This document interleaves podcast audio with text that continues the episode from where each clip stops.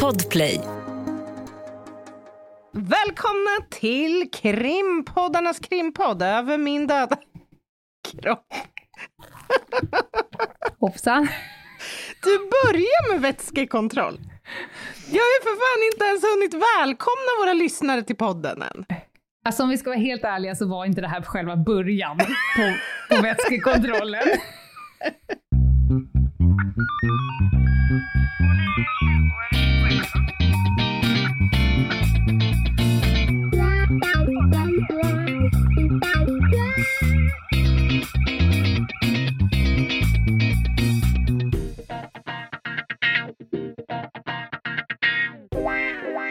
Välkomna till krimpoddarnas krimpodd över min döda kropp med mig, Anna Jinghede och Lena Ljungdahl! oj, oj, oj, vilken svung! Wow. Jag måste också ta med dunvästen, jag håller på att krevera. Jag har precis vunnit kubb. Ja, Nu har jag kavlat upp armarna. är det jag en är beredd. merit, verkligen? Det får man en merit att stå ut. Ja. ja, men grattis till det då. Så, vänta, jag ska bara, ursäkta oljudet, jag ska bara dra ner micken lite. Där ja. Nu så, vad ska Nu vi så. prata om idag Anna? Ja, men idag ska vi ju ta upp eh, Olle Möller-tråden. Det börjar ju så att säga dra ihop sig för en upplösning. Kommer vi komma i mål? Vet du det med säkerhet, det här avsnittet? Nej, det vet jag inte med säkerhet. jag tänkte det. Jag tänker Nej, så vi här, får se. vi tar det lite på volley, så att säga. Mm. Det gillar jag. Uppstuds. Mm. Jag har ju spelat fem timmar paddel idag, så jag kan allt om uppstuds och Just det. nedstuds. Var det, Och felstuds framförallt. ja, var det lika eh, tillfredsställande den femte timman som den första? Ja, Men det blev liksom ny energi. Jag var den konstanten på planen och sen Mhm. så byttes det ut så här. Aha, Började med tantmatch tidigt i morse och sen blev det någon form av americano på mitten och Ja. sen vart det en dödlig fight med sonen på, Ja, på ja. eftermiddagen. just det. Mm. Då kan man mobilisera lite ny energi. Så. Skit i det.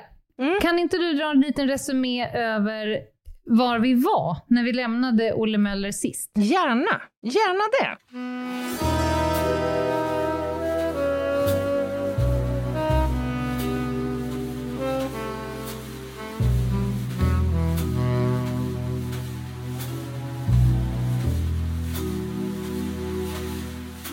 Alltså, vi befann oss alltså i slutet på 1950-talet. Olle Möller hade vid den här tidpunkten flyttat till Örebro och närmare bestämt Mm. Fjugesta-trakten. Ni kanske också minns att eh, den 26 maj samma år så försvann Rut Lind, en kvinna eh, hemmahörande också i Örebro, faktiskt i samma trakt som eh, där Olle lever. Hon försvinner i samband med ett besök på regionsjukhuset i Örebro, på ortopedmottagningen. Eh, Just det, de hade suttit i samma väntrum. Exakt. Mm. Rut Lind var spårlöst försvunnen och detta då sammanföll med, precis som du säger, Möller skulle ju prova ut någon sån här ryggkorsett vid samma tidpunkt och vittnen hade beskrivit hur en mansperson med ett utseende liknande Möllers skulle ha samspråkat med Lind. Och, det en här- grönrutig skjorta, om jag inte minns det. fel. Mm. Precis, en rutig arbetsskjorta hade han på sig. Så återigen så blir alltså Möller här. Den ökände alltså barnamördaren, för han hade ju avtjänat ett ganska långt straff för mordet på, Mm. på Gerd om du minns. Han blir då återigen misstänkt för mord. Och det som händer då är att man kallar Möllers fru till förhör. Eh, och detta gör man då för att eh, lyssna eh, med henne om vad som har hänt i så att säga, familjen den här dagen när Rut Lind försvinner? Kan hon beskriva Olles eh, förehavanden den här dagen och så vidare? Och det här resulterar i att hon faktiskt ger honom ett alibi. Hon säger att Muller skulle ha varit hemma i huset vid samma tidpunkt som då Lind av vittnen har setts hoppa in i en bil vid sjukhuset.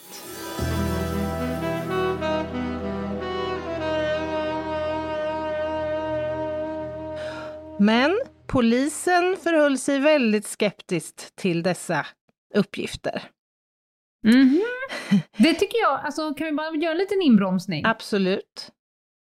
Vissa alibin väger så att säga tyngre än andra. Ja. Det kan ju ibland vara så att man på grund av ett alibi direkt avfärdar en person som misstänkt för Mm. att man ser det som sannolikt att det är helt omöjligt att den här personen kan ha varit på två platser samtidigt. Mm. Mm. Medan för vissa fall så ger ju människor eh, alibi. Alltså det betyder ju att jag säger någonting, jag, sp- jag berättar om ett händelseförlopp som, som ger vid handen Mm. att då i det här fallet kanske hon var med sin man Mm. och därmed kunde han inte ha varit samtidigt någon annanstans.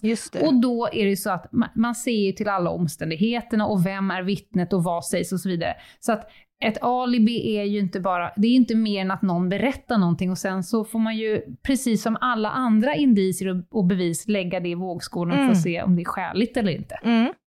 Och i det här fallet kom de fram till att ja, vi kanske inte litar på den utsagan. Ja, och jag är faktiskt lite nyfiken eh, över varför. Eh, för Mm. har, jag har i vart fall inte kunnat läsa mig till varför det inte skulle kunna stämma, så att säga. Och det, det har fått mig att tänka lite i termerna konfirmationsbias. Jag tänkte vi skulle prata lite grann Mm. om det senare, det här hur lätt det är att, så att säga, eh, avfärda uppgifter som inte stämmer in på ens hypotes om vad som har hänt, om man riskerar att förlora sin objektivitet i en utredning. Mm. Det vet jag inte, jag påstår Ja. inte att det har skett här, men jag påstår att det Nej. finns ganska många uppgifter som för mig framstår som ganska ogrundat varför de inte så att säga har följts upp, eller varför man inte har så att säga försökt gå på djupet med att motbevisa dem. Och det är lite livsfarligt när man håller på med utredning, att man ganska tidigt får ett skeende, ett händelseförlopp som känns i kroppen och i ens celler som Mm. rimliga. Mm. Och då är det en ganska stor fara att man eh, så att säga glömmer att titta brett. Mm. Och att man söker uppgifter som faller i, inom ramen för din hypotes, det är Mm. det du säger. Mm. Eh, och det som inte faller in är lite lätt att, liksom vifta bort. Mm. Och då, eh, det är nog ganska många utredningar som har skitit sig på grund av, och det hör man ju ibland faktiskt, Mm. att den här personen fladdrade upp som ett tips tidigt i vår utredning, men det. den eh, sållade snett vänster och sen så återkom ju då kanske fler tips och så vidare. En sak, ska jag säga, när ens nära partner, det Mm. finns ju, det finns ju, vad ska man säga, eh, en, en skäl att tro att man har ett personligt intresse av att ge sin bättre hälft ett alibi. Mm. Mm. Så att ja, redan absolut. där, om man, om man jämför med att det är random person på Mm. stan, eller din arbetsgivare, eller någon annan som säger nej men hen var på jobbet med mig, vi satt i möte. Är det ens äkta hälft så är det så här, mm, du har ju ändå ett personligt intresse Ja. i att ge. Och det dessutom inte är ett alibi som kan hängas upp på så att säga, yttre faktorer, Något så annat. som att man har Nej. befunnit sig tillsammans med ett annat par eller på en viss plats vid en viss tidpunkt, Mm. utan eh, jag, jag håller helt med dig. En Absolut. klassiker är så här, vi satt och tittade på TV, nu kanske man inte gjorde det vid den här tidpunkten, det var en nylonstrumpa över Burken. Men ja, vad tittade ni på? Ingen aning. Mm. Mm. Mm. Ja, men Okej. absolut, det, det köper jag. Definitivt. Ja. Det som i alla Vi fall går vidare. Ja, och det som händer nu då, det är att Muller kallas in på förhör. Mm. Eh, han förnekar all form av inblandning i detta. Han berättar och vidhåller att han har befunnit sig i sin bostad vid tidpunkten då Rutlind skulle ha setts hoppa in i en grön eh, bil. Och Mm. dessutom, om ni minns, så var ju Olle Mullers bil faktiskt inte i hans ägo vid den här tidpunkten, utan på verkstad. Just det. Mm. Och istället nu då för att så att säga fundera på om det fanns några andra eh, manspersoner med en grön bil så som den som ha- hade beskrivits av vittnena här som kunde vara intressant att rikta fokus på, så formulerade nu utredarna en teori om att Möller istället skulle kunna ha tagit sin arbetsgivares gröna lastbil. Han jobbade ju Mhm. på Mellgrens eh, fisk om du minns. Just. Och att detta då skulle ha skett utan att be sin arbetsgivare om lov. Och med den då plockat upp Rut utanför sjukhuset. Och vid kontroll då med Hjalmar Mellgren, Möllers chef, så visade det sig att den här lastbilen den stod alltid olåst i, vid saluhallen på parkeringen. Mm. Och den kunde startas utan nyckel. Mm -hmm. däremot så berättar Hjalmar Mellgren att Möller hade varit på jobbet till klockan 18.00 den aktuella dagen, vilket ju styrker hans alibi, eller så att säga ger honom en annan variant av alibi kan man säga. Mm -hmm. nu, ska, nu ska alltså både frun och chefen ha sagt Mm, att han, har att varit... han skulle ha varit på två olika ställen? Precis, han har varit hemma. Ah, okay. Frun var lite osäker på tiderna här, men kunde dra sig till minnes att han hade varit hemma på eftermiddagen i vart fall, och hon uppskattade att det nog sammanföll med den här tiden. Så att man får mm, okay. kanske inte dra allt för stora växlar kring, kring tiderna här. Eh, men Mellgren var tämligen säker på att han hade lämnat sitt arbete ungefär klockan eh, sex. Och då är ju det alltså en timme efter att Rut Lind skulle ha setts hoppa in i den här mm. bilen. Och det som händer nu, det är att tidningarna har ju nosat upp detta. Men han mm. namnges inte Muller här, utan istället så går man ut med nyheten om den så kallade skjortmannen. Och det mesta då kring huvudspåret, det vill säga att Olle Möller skulle vara skyldig till detta. Mm. Eh, och det som händer här, det är att Olle Möller förstår ju att tabloiderna åsyftar honom själv. Så han mm. går ut själv i media, öppet. Och gör en avbön. Och gör en avbön. Han beskriver mm. att det är jag som är skjortmannen och jag är oskyldig. Och jag vet inte, Lena, vad, vad, säger du om det här att, att gå ut i media i ett ganska känsligt läge i en utredning rörande ett spanings mord. Är mm. det så att säga av godo eller av ondo? Tänker du på polisen eller hans egen? Jag tänker, ja både och egentligen. Aspekter alltså, hans förstår man ju på ett sätt. Framförallt förstår man ju det om han är oskyldig. Vi människor har en oerhört stark önskan och kraft i oss att vilja dementera. Mm om vi blir felaktigt anklagade för olika saker. Mm. Det, den kan vi alla, alla våra lyssnare kan känna på den. Att om någon sätter etiketter på dig eller säger att du har gjort någonting och du inte har gjort det, då har en enormt stark drivkraft mm. att dementera detta. Och i, nu, det här var ju för fan hundra år sedan, mm. eh, nu har vi också ganska mycket plattform att göra det. Mm. Vi har ju så att säga i, vårt, i vår eh, repertoar har vi ganska stora motangrepp att gå till. Just vi kan det. få spridning rätt snabbt. I det här fallet så gick de väl till, då, till tidningen antar jag. Mm.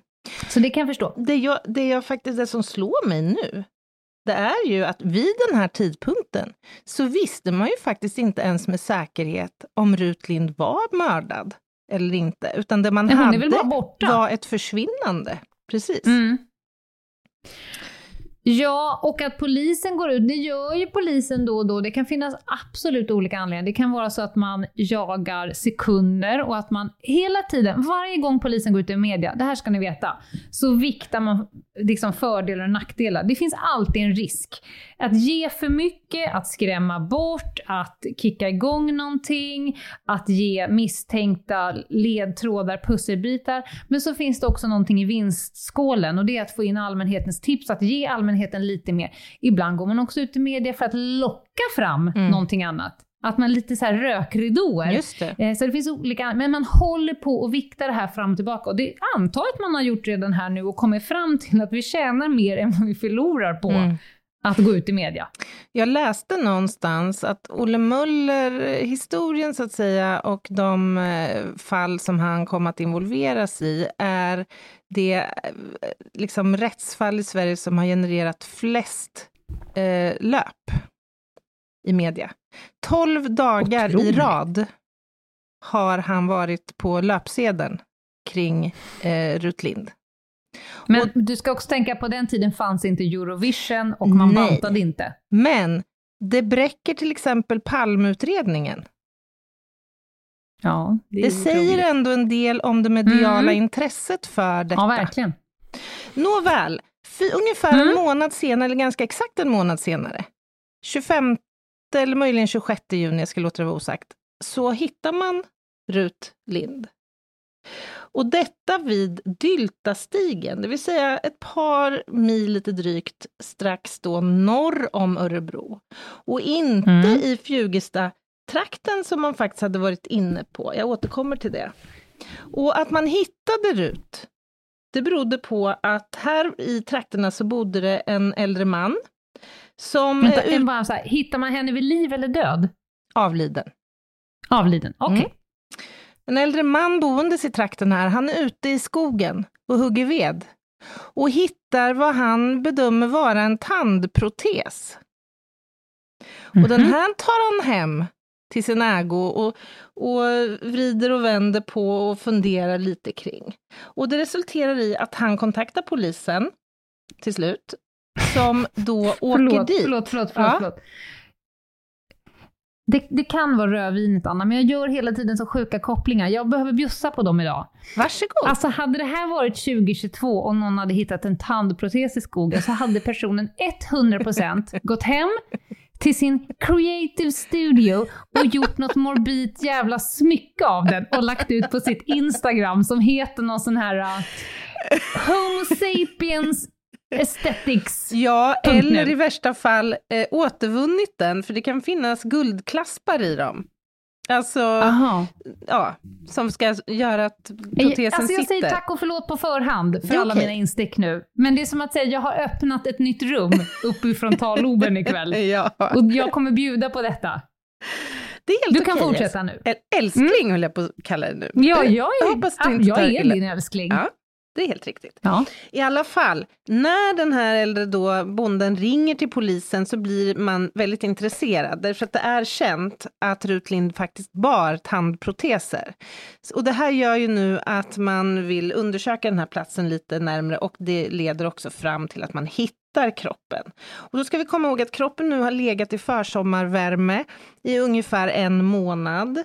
Den Mm. är tämligen omsorgsfullt gömd. Den är täckt med både ris och grenar och ligger alltså inne i ett skogsparti.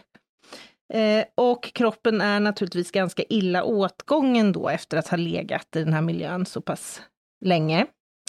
Och när man undersöker, eh, gör en första så att säga, besiktning av kroppen och platsen så konstaterar man att hennes eh, handväska saknas. Men i övrigt så har hon egentligen alla tillhörigheter med sig eller på sig, kläder och, och annat Mm. då. Och man gör då en först, första bedömning att fyndplatsen sannolikt är brottsplatsen. Mhm. Vid obduktionen så konstaterar man att kroppen uppvisar svåra eh, skador i ansikte och huvud och de är av trubbig karaktär. Och trubbig karaktär betyder att någon har slagit henne, kanske med knytnävar eller något tillhygge. Exakt. Ja. Bra poäng. Hon uppvisar också spår på halsen som är lite svårtolkade. Eh, men däremot inget sexuellt våld, inga tecken på sexuella övergrepp eller våldtäkt eller någonting sånt. Hade hon petekier? det vet jag faktiskt inte. Okej. Det jag vet att hon hade som talar för strypning, det var så att säga yttre våldstecken över halsen. Om det sen Mm. var små punktformade blödningar eller någonting annat ska jag låta vara osagt. Men inget sexuellt våld, vad man kunde se. Alltså man bedömde att dödsorsaken var relaterad till det här våldet mot huvudet. Däremot så var man faktiskt inte helt hundra säker på dödssättet, det vill säga om hon hade Nej. mördats eller inte. Och det är lite intressant här nu om man tänker ur ett gärningsmannaperspektiv. Visst, det fanns vissa likheter mellan Rut Lind och då Gärdfallet som Möller tidigare hade eh, dömts för. Bland annat så, ja men dels så var det fråga om kvinnor slash flickor i båda eh, Mm. fallen. Tidpunkten för försvinnandet överensstämde ganska väl. Eh, moduset kändes ju bekant med det här att Mm. bortföra så att säga, i medels transportmedel, om man säger så. Däremot så fanns det ju eh, också olikheter. Det är ju inte jättevanligt att en förövare som inriktar sig på yngre offer och i synnerhet barn plötsligt skulle Nej. välja att begå den här typen av brott mot en vuxen kvinna och särskilt Hon var ju då, drygt 30. Ja. Och när det då Ja. inte involverar eh, liksom en sexuell drivkraft eller motiv. Nej, då undrar man ju vad fan han är ute efter, om det nu är han. Ja, Mm. Och, och jag vet inte, vad, alltså, nu när du har hört vad som ligger honom, så att säga, vad, vad som finns i vågskålen som har resulterat i Mm. en misstanke mot honom. Tror du att om Mm. han inte hade suttit i det här väntrummet vid samma tidpunkt som Rut Lind, hade det då funnits så mycket att Alltså, är bygga den här tunt, misstanken alltså. Ja, det känns lite tunt va? Ja, det är tunt. Han har ju två personer som har gett honom alibi. Nu går ju för sig de, deras berättelser går ju isär, eller vad man säger. Mm. Han kan ju inte vara på de två platserna samtidigt. Men annars är det jävligt vagt. Och här tror jag nog att hans historik ligger honom i fatet. Mm. Och man kan inte använda en persons historik som en byggsten att bygga skälig misstanke. Men det är ett indicium. Alltså, som jag har sagt tidigare, eh, historiskt uppvisat beteende är en ganska stark indikator på ett kommande beteende. Mm. Mm. Men inte ett likamedstecken. Eh, så man kan bara konstatera att du är en person som eventuellt tidigare har hållit på med det här. Just det. Eh, men jag tycker att det verkar rätt tunt. Och framförallt så undrar jag, fanns det någon GMP på den här tiden? Ja, vad lustigt att du säger det, eller frågar. Därför att vid den här tidpunkten så begär faktiskt Örebropolisen biträde från Stockholm. Och det är inte GMP Mm. som ansluter, men dåvarande Alltså Rik- gärningsmannaprofilgruppen. Bra. Mm. Utan Riksmordskommissionen. Och Mhm. detta till följd av eh, att det nu har börjat strömma in tips. Och det beror ju på att det här har nu kommunicerats i media ganska Mm. eh, rikligt och väl. Eh, och det är tips av varierande slag, så som brukligt, så som det ofta är. Det vill säga en del Mm. stämmer in ganska väl på vad, vad som redan så att säga är känt. Och en del av de här tipsen stämmer varken in vare sig på rätt tid eller dag och då rörande iakttagelser av Möller tillsammans med den saknade Rut eh, Lind. Får jag bara säga en sak om det här med att det strömmar in tips? Mm. Jag vill bara eh, påpeka hur jävla svårt det är att värdera tips. Mm. Kan vi bara Mm. skänka människor en liten eh, tanke? Bra. För ibland kommer så här kritik. Ja, men det här tipset så fick ju polisen in fan för åtta månader sedan. Mm. Men om ni tänker att det kommer in en shitload Ja. av tips. Att sitta och värdera Mm. vilka tips där uppgiftslämnaren är trovärdig och uppgiften är trovärdig, för det är de två sakerna man värderar. Ja. Och försöka då lägga dem i rätt hög och vilka Mm. ska vi jobba på här och nu och vilka känns sjukt osannolika. Mm. Mm. Att man varje gång ska värdera tips 100% korrekt och säga det är det här vi ska jobba på. det går Alltså inte. det finns ju inte. Utan man letar nästan, om det kommer in väldigt många tips Mm. på, mot samma sak och de som lämnar tipsen är, är av varandra helt oberoende, ja men då blir det lite tyngre helt plötsligt. Mm.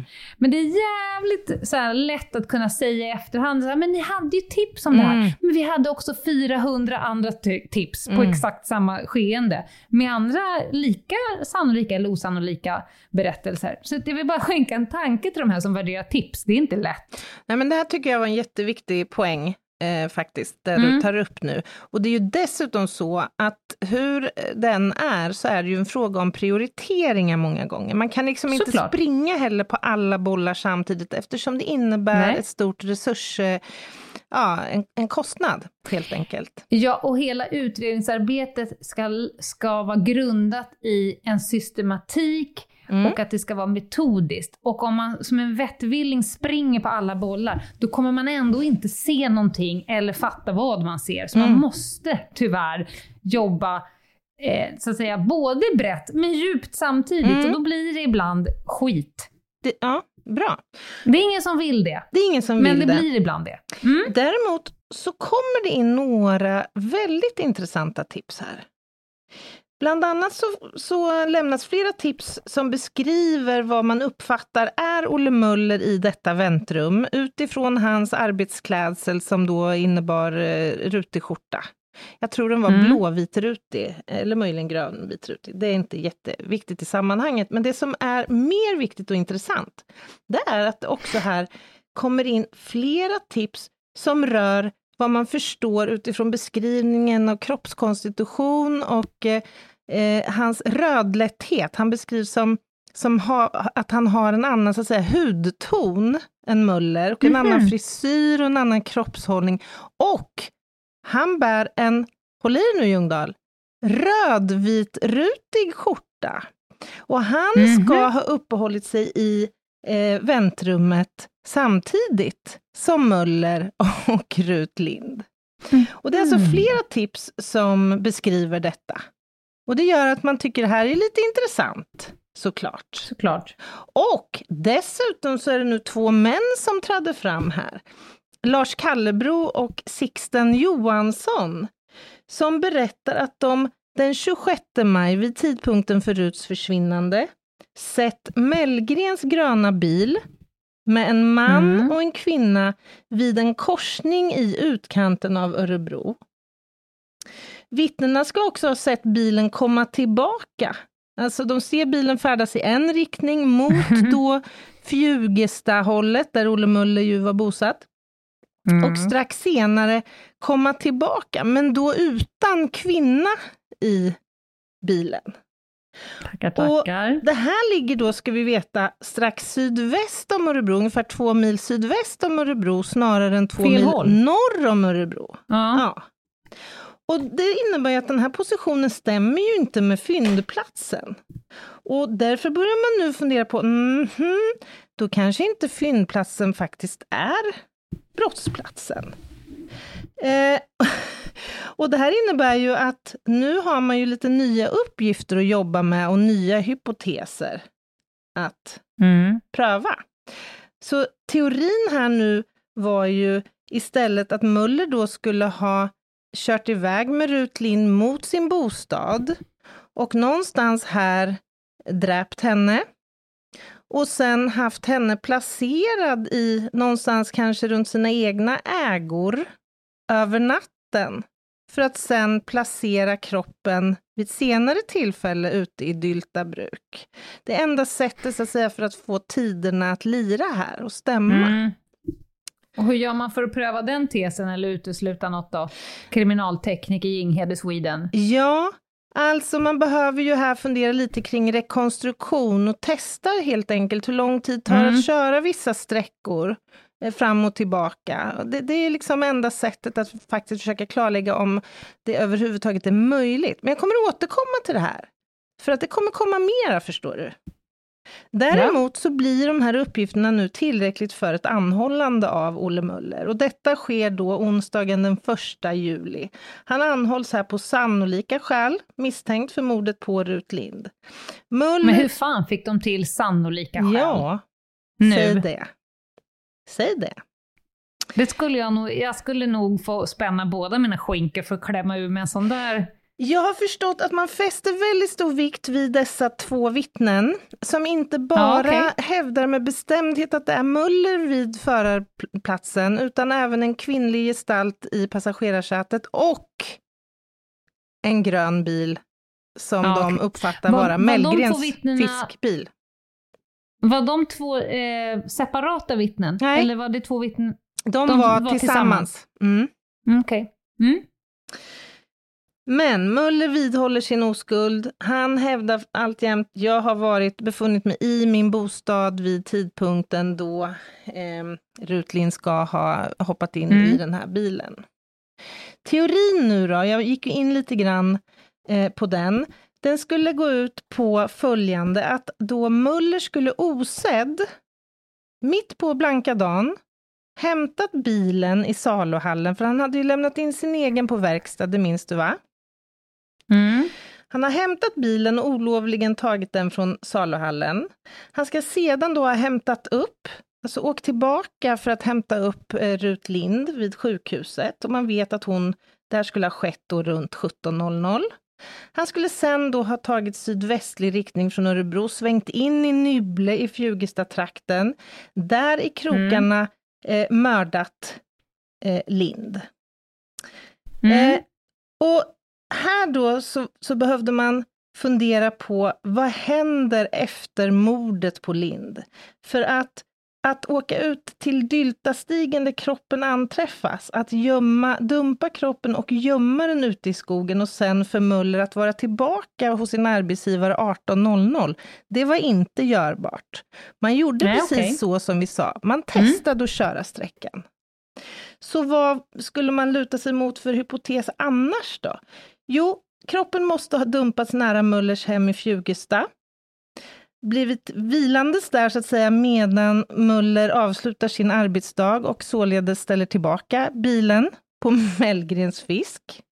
Sen skulle mm. han då ha tagit sig hem till hustrun som har sett honom på eftermiddagen i bostaden, för att sen på natten återigen hämta bilen, för han har ju sin bil på, egen bil på verkstad.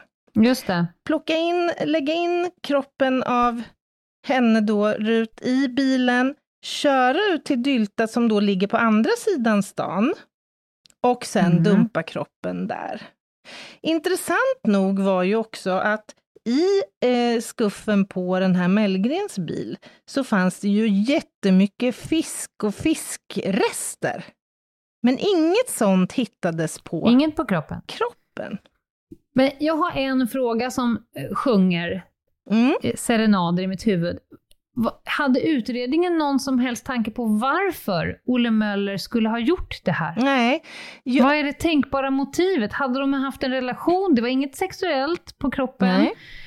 Har de haft en relation? Vad är, vad, vad är motivet? Nej, alltså jag har inte heller hittat något uppenbart sånt, utan det som teorin till stor del har byggts kring vad gäller de första morden, alltså mordet på mm. Gerd och mordet på Kerstin, det är ju att det är fråga om en sexualsadist med för, en förkärlek till att bortföra eh, yngre ja, flickor. Ja, pedofili. Ja. Och det är det jag menar, att här haltar ju lite grann eh, den eh, teorin. Det att random tämligen... plocka en dam i ett väntrum och göra allt det här mm. omaket. Mm. Mm det, jag skulle, alltså, man skulle ju någonstans i ett förhör prata lite med honom om eventuella då relationer till fröken Lind. Eller hur? Cecilia Lind. Ja, det finns en del luckor här. Och vad som ja. händer nu, eller härnäst, mm. det kommer jag berätta efter pausen. Spännande. Ett poddtips från Podplay. I podden Något Kaiko garanterar östgötarna Brutti och jag, Davva, dig en stor dos skratt. Där följer jag pladask för köttätandet igen. Man är lite som en jävla vampyr. Man har fått lite blodsmak och då måste man ha mer. Udda spaningar, fängslande anekdoter och en och annan arg rant. Jag måste ha mitt kaffe på morgonen för annars är jag ingen trevlig människa. Då är du ingen trevlig människa, punkt. Något kajko, hör du på podplay. Därför är gardinerna. Ett poddtips från Podplay. I podden Något kajko garanterar östgötarna Brutti och jag, Davva, dig en stor dos skratt. Där följer jag pladask för köttätandet igen. Man är lite som en jävla vampyr. Man har fått lite blodsmak och då måste man ha mer. Udda spaningar, fängslande anekdoter och en och annan arg rant. Jag måste ha mitt kaffe på morgonen för annars är jag ingen trevlig människa. Då är du ingen trevlig människa, punkt. Något kajko, hör du på podplay. Därför är gardinerna. Välkomna tillbaka till krimpoddarnas krimpodd Över min döda kropp. Särskilt välkommen till alla nya lyssnare. Anna, eh, ibland så tar vi oss an case och då är de oftast av historisk karaktär. Tänk Bockstensmannen, ungefär där. eh, och det här är vecka tre av eh, det konstiga ärendet Olle Möller. Mm. Och du är precis inne på att prata om något superspännande nu.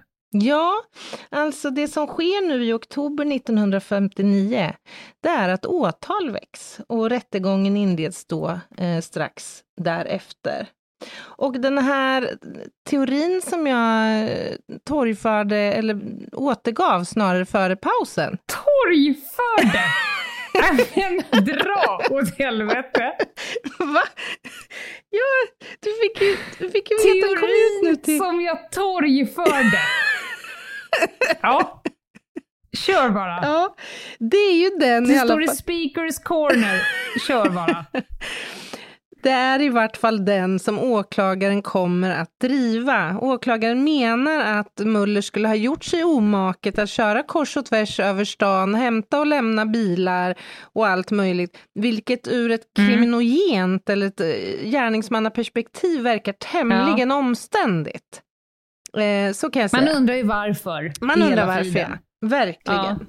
Ja. Eh, men det är också så att det är enda möjligheten att få ihop en gärningsbeskrivning med de uppgifter som vittnen har lämnat. Och framförallt då mm. de här två männen som ser Mellgrens eh, bil i Fjugesta och som kan identifiera Möller och Lind. Och det är så här åklagaren kommer att jobba även i det här målet mot Möller, nämligen utifrån en indiciekedja som i huvudsak kommer att bygga på vittnesmål, då främst från sjukhuset, från Nybble, alltså ja, iakttagelsen om bilen och egentligen mm. inte så mycket alls av kriminaltekniskt värde eller annat eh, värde. Men, och, och, får jag bara göra en liten broms där? Mm. Det är inte så att det bara är så att man inte har funnit någon teknisk bevisning. Nej. Tvärtom, man har ju funnit saker tekniskt som går stick i stäv mm. med det andra. Mm. Alltså, det må vara hänt att man inte har hittat liksom, eh, forensiska bevis. Absolut. Men, men sådana saker som att hon ska ha legat i skuffen på en bil som är byst med fisk, mm. Rens. rens och fjäll mm. och det inte finns någonting på kroppen. Mm. Då är det fan mig man ska sitta stabilt i sin tro mm. och säga jo, jo, men hon har varit i den bilen. Mm. Mm. Ja. Man har haft en högtryckstvätt och spola av mm. innan man placerar ut henne i skogen. Precis. Hade jag ju som försvar frågat. Ja, men alltså frånvaron av fynd måste Exakt. ju också kunna förklaras på något ja. rimligt sätt. Ja. Helt enig. Mm. Och dessutom så var, kände man sig ganska trygga i inledningsskedet om att anträffandeplatsen av kroppen också var brottsplatsen.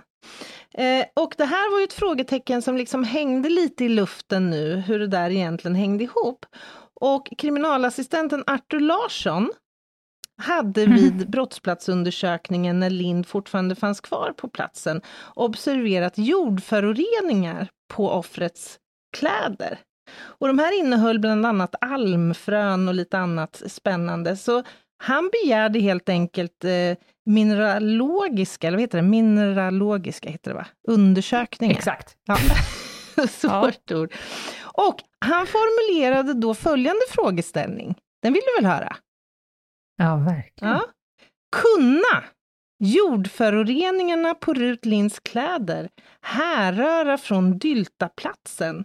Eller kunna det fastställas som främmande för denna? Mm. Alltså man vill ju då försöka förstå om jordföroreningarna på de här kläderna innehåller saker och mineraler och växtdelar och annat som också finns rikligt då på Dyltaplatsen.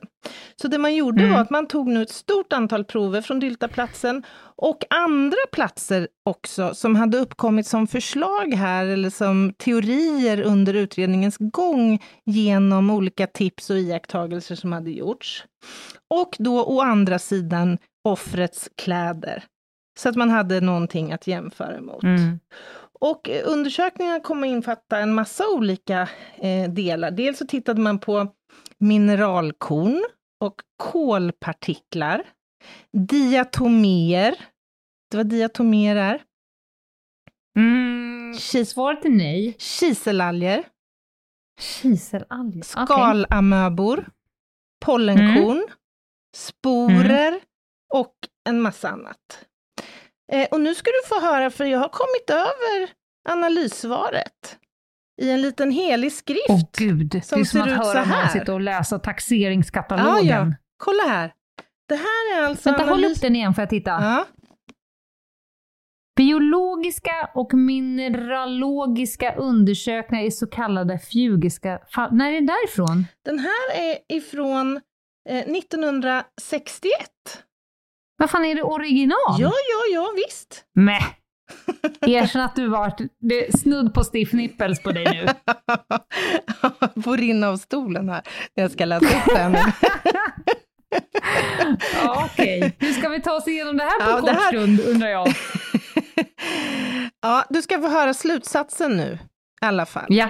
Genom våra undersökningar över den inledningsvis angivna frågeställningen, nämligen huruvida jordföroreningarna på Rutlins kläder kunde härröra från Dyltaplatsen eller kunde fastställas som främmande för denna, har intet framkommit som talar för ett samband mellan jordföroreningarna på Lins kläder och i hennes huvudhår å ena sidan och de undersökta lokalerna på Dyltaplatsen å den andra. Mm. Och vad innebär det här då? Ja, man kunde helt enkelt inte säkerställa att, det här, eh, att Dyltastigen var eh, en brottsplats eller inte. Så att det, mm. det bidrog inte jättemycket såklart. Nej. Men det fanns också repor på skorna, på Rut Linds skor, som var av ganska, så, så att säga, invasiv karaktär kan man väl säga. Och det, och det tyckte man man hade svårt att förklara om hon skulle ha bragts om livet på Dyltaplatsen där det var tämligen så att säga ja, mjuk miljö om jag säger så. Mossa mm. och stigar. Mm. Och, så det, det, var liksom inte de här skarpa, hårda typ asfaltskanterna eller stenkanterna, om du förstår vad jag menar. Eh, och man tolkade de här mm, skadorna på hennes skor som om hon faktiskt hade släpats över en hård och vass eh, yta. Hur det än är, den här rättegången pågår eh, ett antal veckor och den 5 augusti 1960 så döms Olle Möller på indicier till mm. sju års eh, fängelse i tingsrätten. Det här överklagades och det som hände i, i den högre instansen var att straffet skärptes till 11 års fängelse. Mm -hmm. Muller ansökte om prövningstillstånd till Högsta domstolen men fick eh, avslag. Han avtjänar sitt straff och släpps fri 1970 och även eh, om det skedde så, säga, så fanns det fortfarande mycket tveksamheter om vad som faktiskt hade hänt här. Eh, det var så mycket som talade faktiskt mot att det här var en korrekt dom, helt enkelt. Det som också hade poängterats vid prövningen till HD var att trots att Rut Lind hade krossskador i huvudet så fanns det inget blod i Mullers eller i Mellgrens bil som undersöktes, eller för den delen på kläder som hade undersökts som tillhörde eh, Möller. Och dessutom hade man inte heller kontrollerat egentligen någon annan mansperson som innehar rutiga skjortor, trots att man hade faktiskt namngivit personer och beskrivit personer eh, så som uh, att de har uppehållit sig då på sjukhuset tillsammans mm. med eh, Rut Lind. Och man kan fundera på hur mycket av det här som så att säga handlade om en subjektiv påverkan på utredningen? Alltså var det så att det var svårt att hålla sig objektiv här på grund av att Muller faktiskt hade dömts tidigare för mord och befann sig vid samma tidpunkt som Rut Lind på sjukhuset? Alltså jag, jag skulle vilja säga att anno 2022 mm. så hade den här karln aldrig dömts för det här mordet. Nej. På grund av en enda anledning. Och det är att det inte är ställt utom allt rimligt tvivel att mm. det finns en annan förklaring till hennes död. men alltså spontant skulle men, jag också säga det. Men det är inte sagt mm. att han inte har gjort det. Nej. Men den här utredningen är inte tillräckligt robust Nej. för att man ska kunna säga att det är ställt utom allt rimligt tvivel att det skulle kunna vara på något annat sätt. Det skulle jag nog vilja hävda. Mm. Mm. Ja, men jag håller med dig. Det är verkligen. Och historien är faktiskt inte heller slut här. Vissa av Nej. de frågetecken som uppkommit här under årens eh, gång kommer att få sin förklaring. Mm -hmm. eh, 1964 och mordet på eller mordet på Kerstin Blom, om du minns, det skedde ju mitten på ja, 50-talet. Men 1964 så händer någonting som kommer att kasta ett annat ljus över Mullers eventuella eh, skuld till det mordet, som han ju faktiskt också var mm -hmm. eh, misstänkt för. För här är det så att Karl-Hugo Fernström grips och erkänner att han har mördat flickan Kerstin Blom. Och året efter så döms han till livstidsfängelse för det mordet. Han befanns vara skyldig till det mordet. Och det innebär ju att det man har byggt upp kring misstanke och eh, så att säga teorier kring Mullers perversion och allt det här faktiskt ju nu föll en smula, kan man väl ändå säga. Mm. Mm. Mm. Och vidare, 1967 så ska en man ha erkänt för en kvinna att han mördat Rut Lind. Kvinnans namn är Karin Gustafsson. Vad sa du, Hon- 67? Ja, Fick inte Möller sitta ända till 70? jo. Han släpps fri 1970.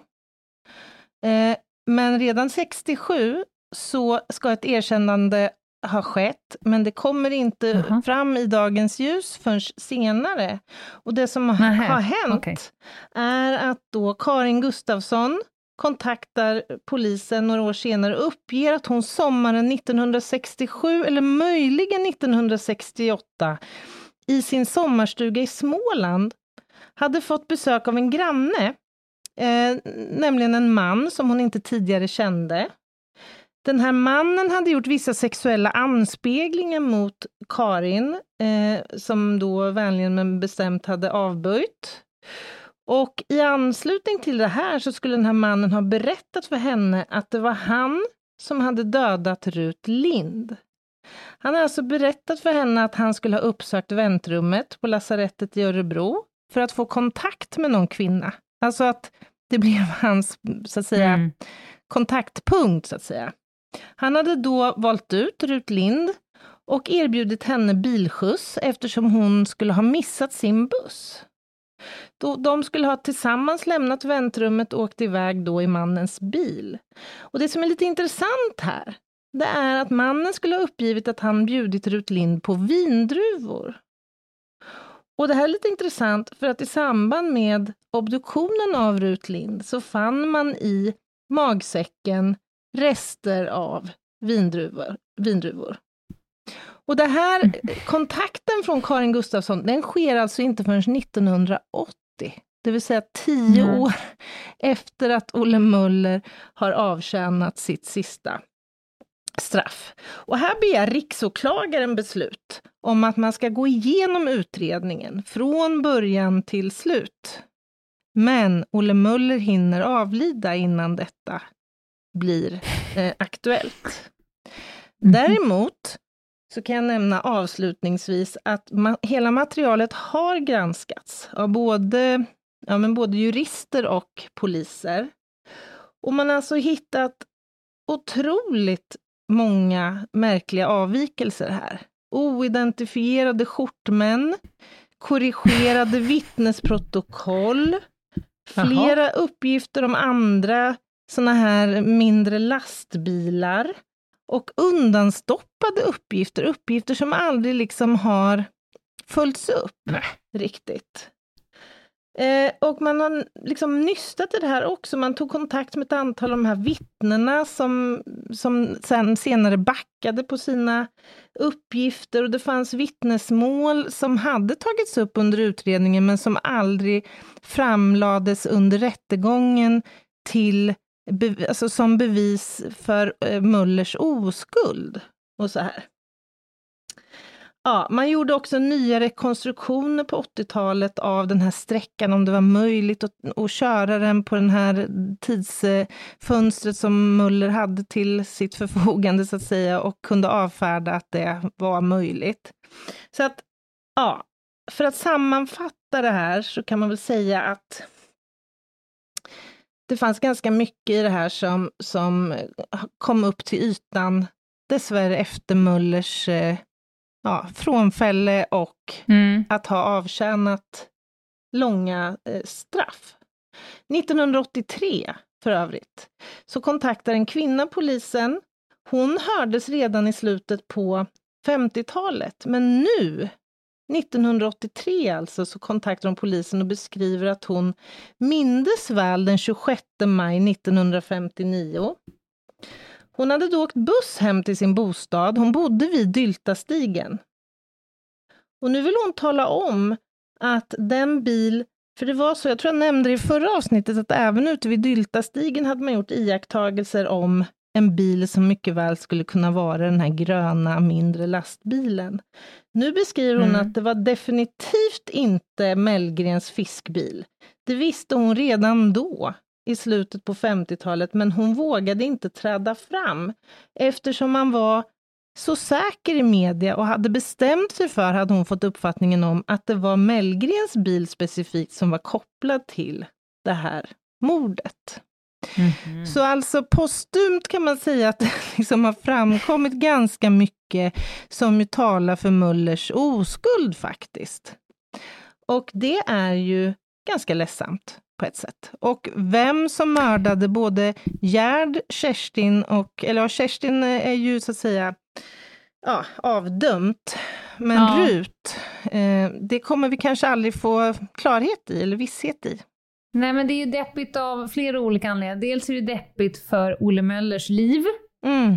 om han var oskyldig. Dels är det ju deppigt för att det är en jävligt dålig utredning, alltså deppigt mm. för Polismyndigheten.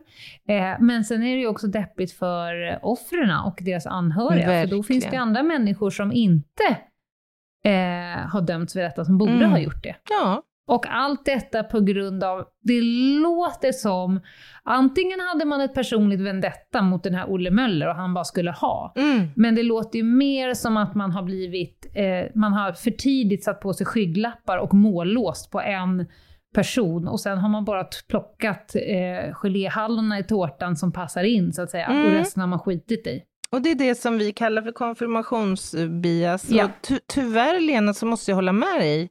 Jag har en väldigt obehaglig eh, känsla av att det är det som, som har skett. Och ja. det finns alltså polismästare i Örebrodistriktet som faktiskt har uttalat sig om det här någon gång på 80-talet. Jag har sett tv-intervjuer med dem och som faktiskt mm. också vidstår att det faktiskt eh, inte har gått eh, rättssäkert till i vissa delar av den här utredningen. Eh, så att, mm. ja, det, det, är en, det är en i många stycken tragisk eh, historia, så att säga. Det finns så många mm, offer i den här historien. Ja, verkligen. Mm. Och dessutom så försökte Olle Muller eh, liksom rentvå sig själv efter sin frigång, men avlider som sagt 1983, eh, 76 år gammal, och han hävdade in i döden sin sin oskuld. Och jag kan nämna att det finns, det har skrivits lite böcker och det finns lite poddar som beskriver det här ärendet. Och är det någon bok jag skulle vilja rekommendera så är det en bok som heter Mördaren i folkhemmet, som jag tycker ger en ganska bra bild kring de här händelserna och mer så att säga djupgående än det vi har hunnit beta av under de här tre avsnitten.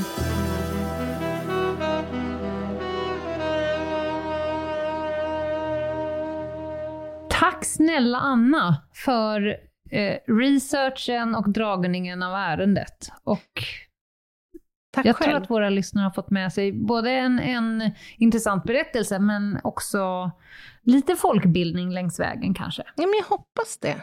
Jag hoppas det. Jag tycker det här, är, det här är ett ärende som jag har läst ganska mycket om och som har intresserat mig väldigt mycket. Och det beror naturligtvis mm. på att den har en lokal anknytning till orten Såklart. där jag bor. Eh, men jag blir inte klok. Alltså för varje gång jag liksom läser in mig lite så känner jag fortfarande att jag efteråt sitter med lika mycket frågetecken. Tyvärr. Mm. Verkligen. ja. Men kan också ett ortsnamn vara mer Örebro än Fjugesta? kan det låta Fjugesta. mer Örebro? Nej, kanske inte. Fjugesta. Nej, jag tror faktiskt inte det. Men du, ska vi få någon, bli någon samhällsinfo? Idag. Det blir det. Och framförallt kommer det bli en rövhatt efteråt och jag måste ja. ladda upp så du får ta samhällsinfon. Okej, okay, okej. Okay. Låt mig då göra det med lika stor precision och skicklighet som eh, vid spaningen i måndags. Då ska jag säga mm. så här att om man vill mejla oss, då kan man göra det på hej Ljungdahl och Ginghede. Och om man vill eh, hänga med oss på Instagram.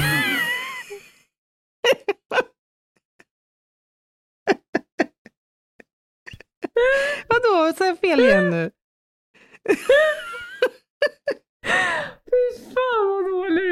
Vadå? Nej, men Var det så hittar... dåligt? Jag tyckte det var jättetydligt.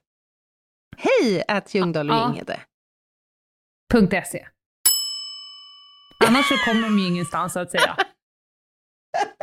Nej, men det roliga är att nu sa ju du fel.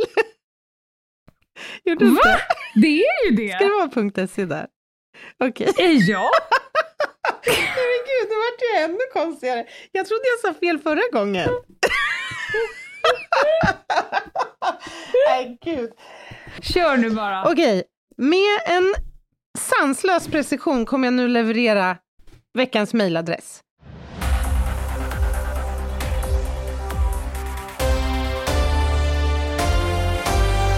Hej att Ljungdahl och Ginghede.se är adressen ni skulle använda om ni vill komma i kontakt med ja. oss. Och om ni vill hänga med oss på Instagram så går ni in på Ljungdahl och Ginghede. Och där kan ni skippa SE. Gud alltså. Ni kan ju testa att bara googla Ljungdahl och Ginghede så tror jag att de kommer komma till lite olika ställen, till exempel vår hemsida och Alltså jag tänker att det här som vi håller på med och sitter och berättar det här varje vecka. Det är dumheter. Är inte det lite att idiotförklara våra lyssnare? Ärligt ja. talat.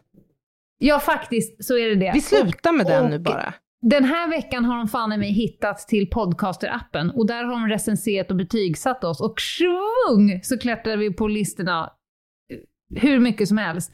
Och vilket gör att ännu fler hittar till podden. Så vi säger bara innerligt tack alla ni som tar er eh, minuterna och gör detta. Det blir vi glada för. Ja, verkligen. Tack för det. Men nu Lena. Lenas rövhatt. Jag har en så lång lista med rövhattar så att nu har jag börjat bli så svårt, vilken ska jag ta? Ja. Men nu har jag bestämt mig. Förra gången pratade jag om döda ting tror jag. Mm. Tvättmaskiner och vitvaror. Döda ting som låter ja. Mm. Ja, idag kommer jag prata om Homo sapiens. Okay. Det är ju oftast, Återfall alltså. så att säga, 93 procent av allt på min lista handlar ju faktiskt om Homo sapiens. Mm. Idag ska jag prata om Instagram. Aha. Jag ska prata om hashtag nofiltermänniskorna. ja. Oh. Vad det här ser jag fram emot. som pågår? Mm, mm, mm, mm. Alltså, den, jag ska säga så här. Den enda hashtag nofilterbilden jag någonsin vill se. Mm. Det är om du fotar ett jävligt rackigt, typ om du fotar din hall, yeah. när, det ligger, när det är 7000 skor, sopor, ja, ja. Och du har glömt en unge som har typ mm. själv dött i ett hörn. Mm. Då kan, du, då kan du få använda hashtag nofilter. Vid alla andra situationer så kan du inte använda det. För att, för att vi alla vet ju, som vi alla gör, vi lägger ju inte ut det. Och jag, jag, så här, jag förstår det här med om vi pratar med vår ungdom, jag har de samtalen med mina barn också. Mm. Det du ser på nätet, det är inte verkligheten. Nej. Utan bakom varje selfie så finns det 500 försök. Mm, mm. Eh, när folk fotar sitt fina hem så fotar de inte det fula hörnet. Det. det är inte verkligheten. Nej. Men det är liksom en diskussion vi själva får ta med oss själva och våra barn. Mm. Men i veckan så såg jag en människa som var uppsminkad yeah. till tänderna. Alltså vi pratar ju ögonfransar som om det vore kepsar. Ja, ja, ja, ja jag fattar. Ja. ja. Och, och i en sån här pose, mm. och sen så fotat lite snäpp uppifrån och så lite putläppen och, så, och sen står det ju då hashtag no filter och sen Men. kommer också en text mm. som är så här nu är jag revolt mot perfektionen. På Förlåt att jag lägger till mig, men det är den här rösten jag hör. Ja. Mot perfektionen på Instagram. Ja. Vi måste våga visa oss för varandra som de vi är. Bakom alla fasader. Man bara, men you fucking moron! Oh. Du gör ju... Om du skulle ta bilden så gör ju du exakt det men, som men, du säger att du inte ska göra. Men jag fattar inte ändå, för att den här människan måste ju rimligen förstå att det syns att hon bär makeup. Eller? Eller? Är det att hon har ändå deeskalerat så att säga? Hon har jobbat liksom mycket, mycket mer nyanser Nej, men, och så och nu kör en nude ja, men Man måste äga skiten. Så här, när vi, när vi båda satt och kollade på Dallas på 80-talet. Mm, mm. När Suellen vaknade på morgonen, nymakead med såna här Charlies Angel-lockar, då ägde hon ju skiten. Ja, ja, jag älskar Hon sa ju inte så här. Åh nej, I woke up like this. Vi alla vet ju att det är någon sju studiopersoner som har Ja. fixat Och hon äger skiten. Ja.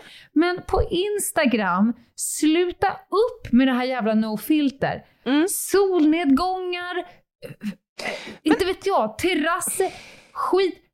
Äg det istället. Säg så här.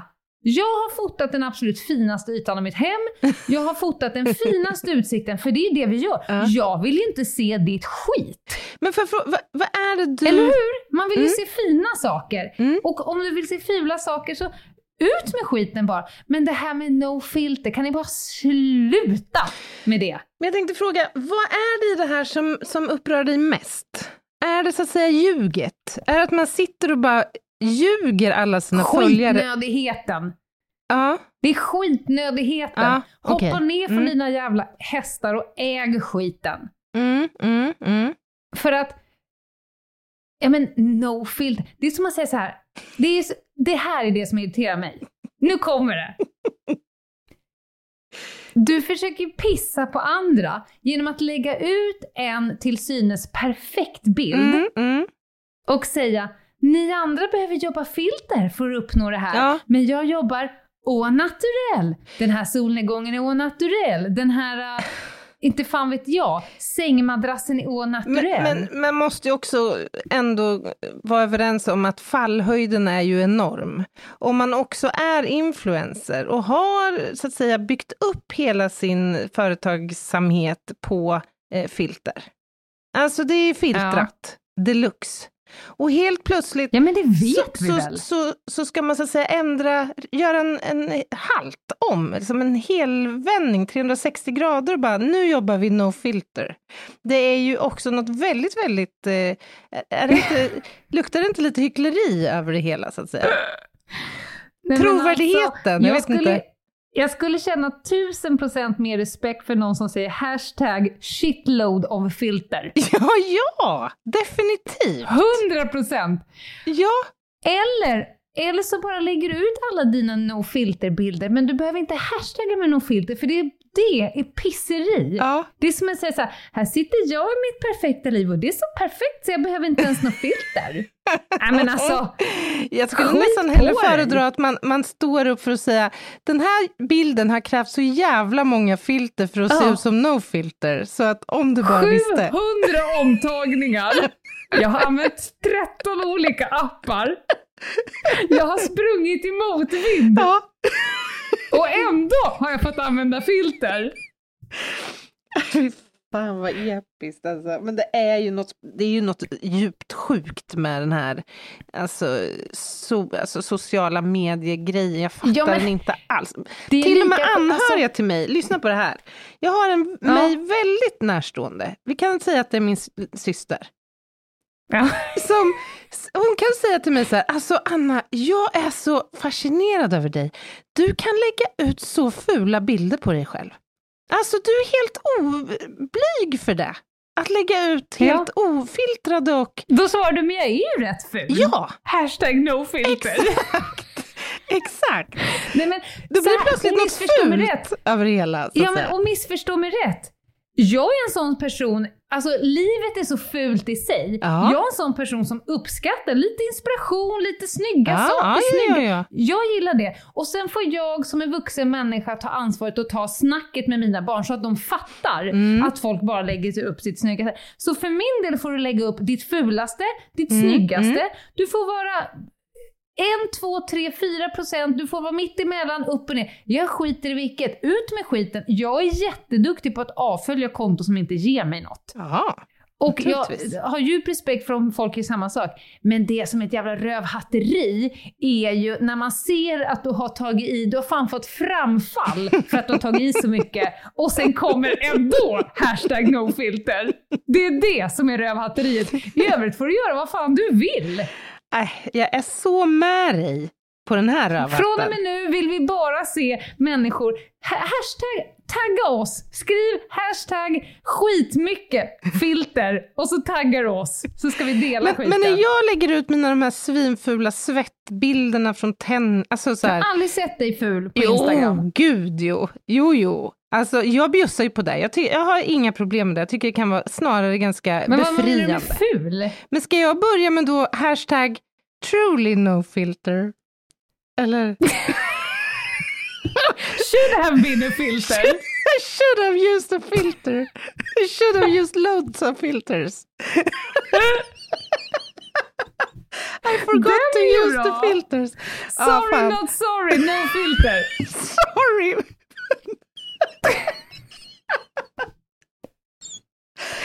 Ja, jag tycker vi kan, vi kan jobba lite med det här. Jag tycker ändå att vi, vi jag känner mig så här. jag känner mig inte helt framme med min rövhatt.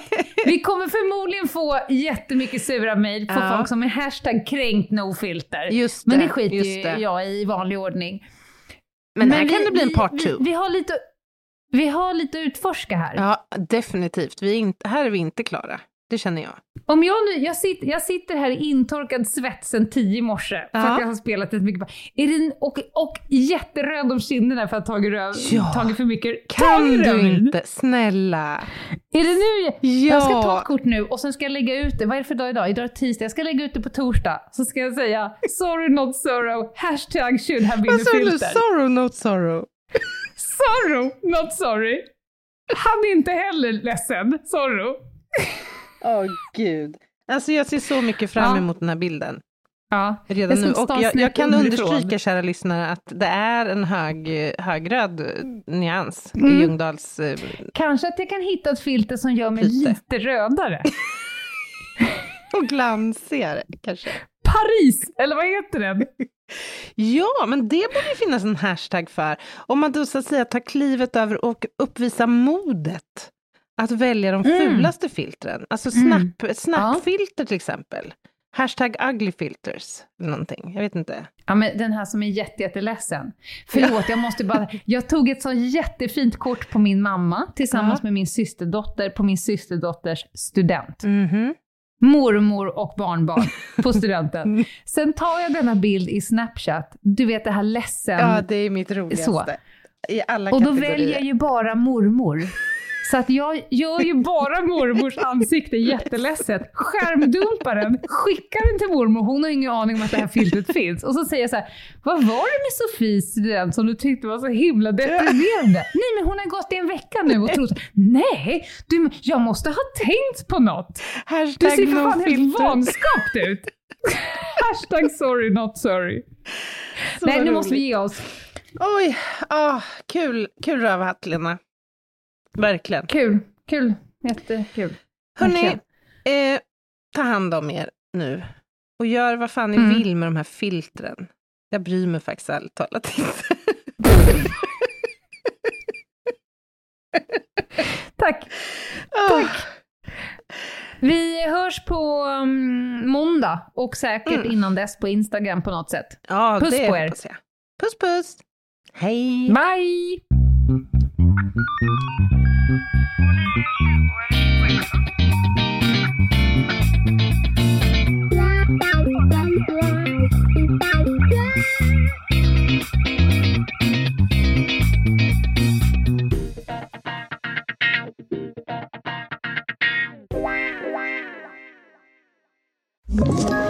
Ett poddtips från Podplay. I fallen jag aldrig glömmer djupdyker Hasse Aro i arbetet bakom några av Sveriges mest uppseendeväckande brottsutredningar. Går vi in med hemlig telefonavlyssning och, och då upplever vi att vi får en total förändring av hans beteende. Vad är det som händer nu? Vem är det som läcker? Och så säger han att jag är kriminell, jag har varit kriminell i hela mitt liv men att mörda ett barn, där går min gräns. Nya säsongen av Fallen jag aldrig glömmer på Podplay.